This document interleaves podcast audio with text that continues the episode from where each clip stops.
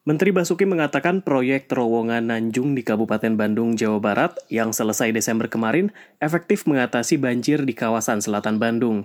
Dia mengatakan terowongan di Curug Jompong ini berhasil diuji coba saat hujan intensitas tinggi 17 Desember lalu. Ya, begitu ini dibuka jam 11 berapa?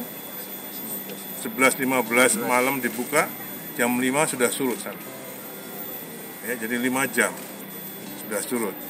Jadi ini memang berfungsi untuk uh, Curug Jompong ini ya. Nah ini yang tadi kami lihat uh, membuktikan itu laporannya dari balai. Jadi saya kira ini salah satu uh, pengendali banjir untuk cekungan Bandung. Basuki meninjau proyek tersebut Senin kemarin bersama Gubernur Jawa Barat Ridwan Kamil. Emil berharap dua terowongan sepanjang 230 meter ini bisa mengendalikan banjir di ibu kota Jawa Barat. Terowongan Nanjung yang mengendalikan Sungai Citarum sudah beroperasi dua terowongannya. Insya Allah akan diresmikan Presiden dalam waktu dekat dan alhamdulillah terbukti kemarin waktu Desember uh, bendungan ini bisa mengontrol curah hujan yang luar biasa besar. Presiden Joko Widodo berencana meresmikan terowongan Nanjung pada akhir Januari 2020.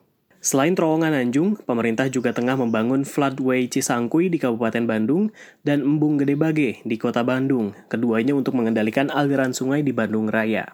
Selesai di Bandung Raya, Basuki mengatakan akan fokus ke wilayah hilir seperti Karawang dan Bekasi. Saat ini ada empat proyek yang dikerjakan. Untuk wilayah Karawang dan Bekasi, Kementerian PUPR dan Pemprov Jabar tengah melanjutkan pembangunan bendungan di Sungai Cibeet, Karawang, yang tengah dalam proses pembebasan lahan. Sedangkan untuk Bekasi Raya, pemerintah akan membuat bendungan penahan pengatur aliran sungai di zona pertemuan Sungai Cilengsi dan Cikeas. Pada sisi lain, bendungan Sukamahi dan Ciawi sudah rampung 50% dan targetkan rampung tahun ini. Sejumlah kota di Jawa Barat seperti Bekasi dan Bogor terdampak banjir parah awal tahun ini.